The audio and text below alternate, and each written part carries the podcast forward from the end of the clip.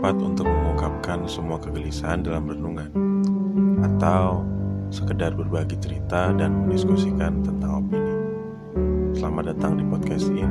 Dengan saya Randy Mari berbincang.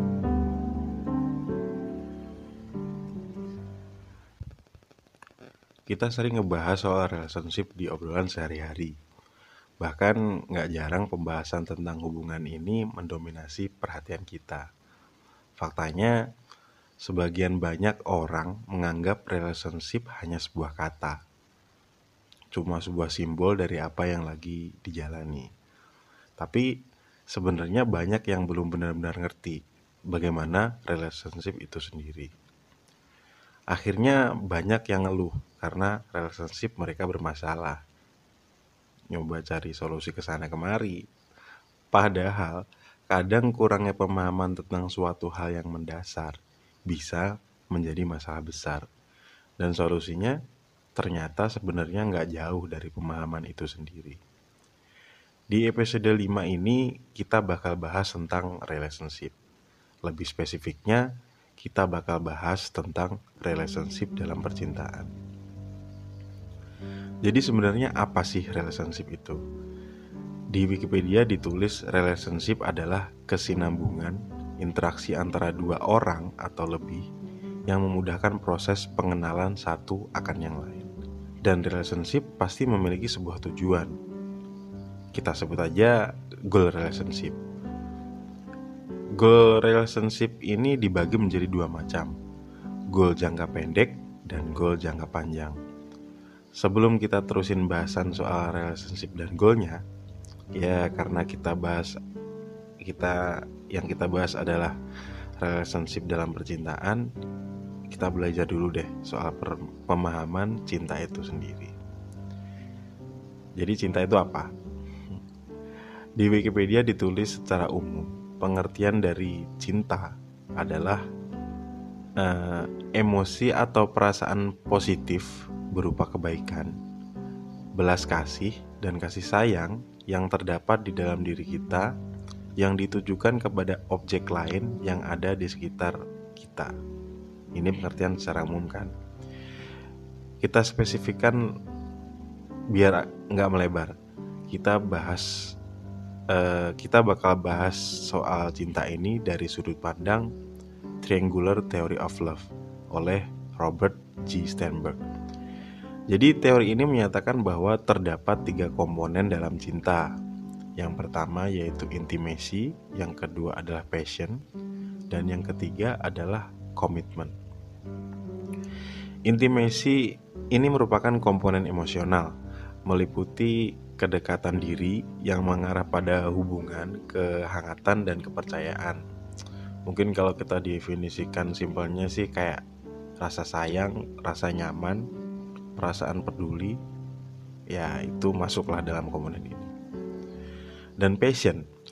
Passion ini merupakan komponen motivasional yang didasarkan pada dorongan dalam diri yang berhubungan dengan hasrat fisik atau seksual. Apa ya? Mungkin bisa dibilang ini semacam kayak kita waktu ngelihat cinta pandangan pertama gitu deh.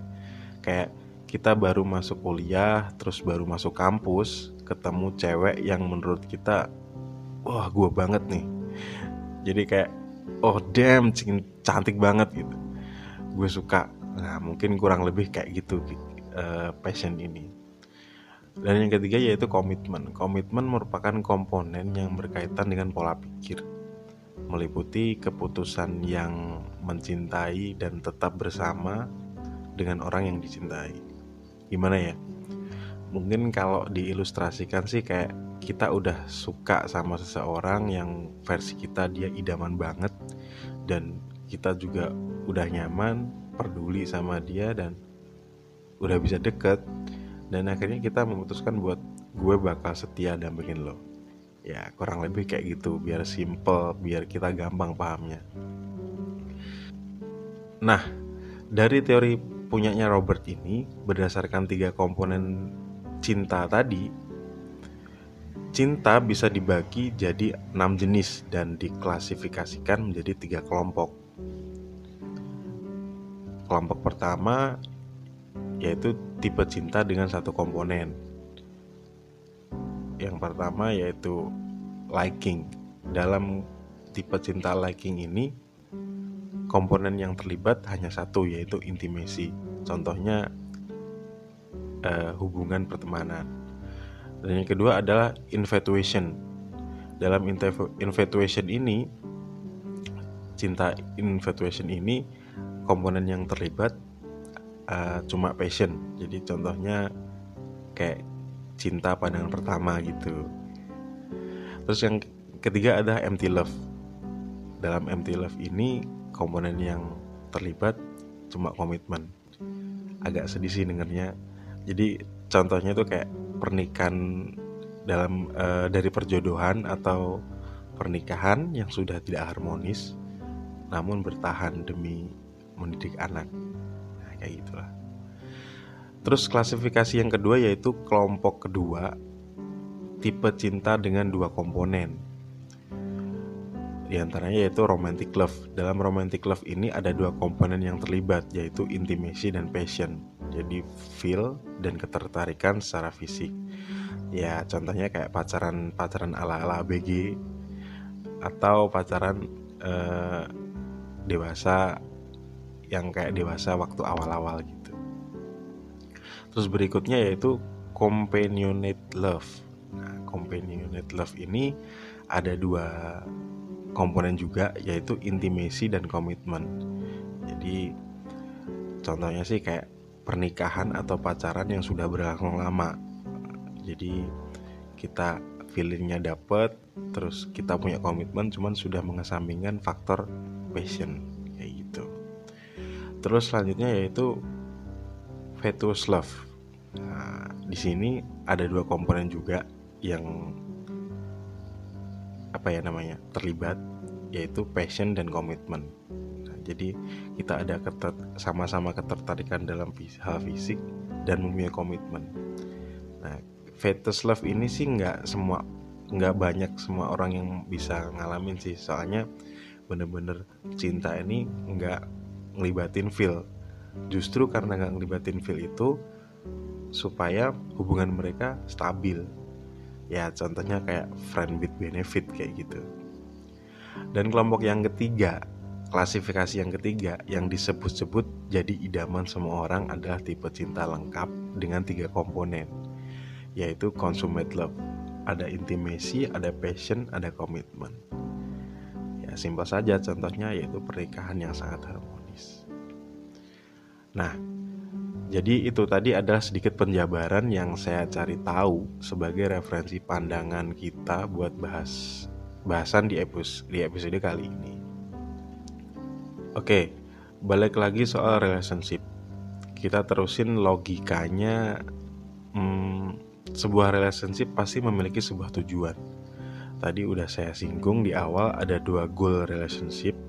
Goal jangka pendek, kayak goal kamu ketika lagi PDKT ingin mendapatkan dia sebagai pacarmu dan kemudian goal jangka panjang seperti goal kita untuk menikah saat masih berpacaran atau goal rencana tentang program anak atau bisa jadi goal tentang finansial keluarga. Kayak gitu. Terus sadar atau enggak sadar atau enggak sadar relationship goal itu berkembang terus.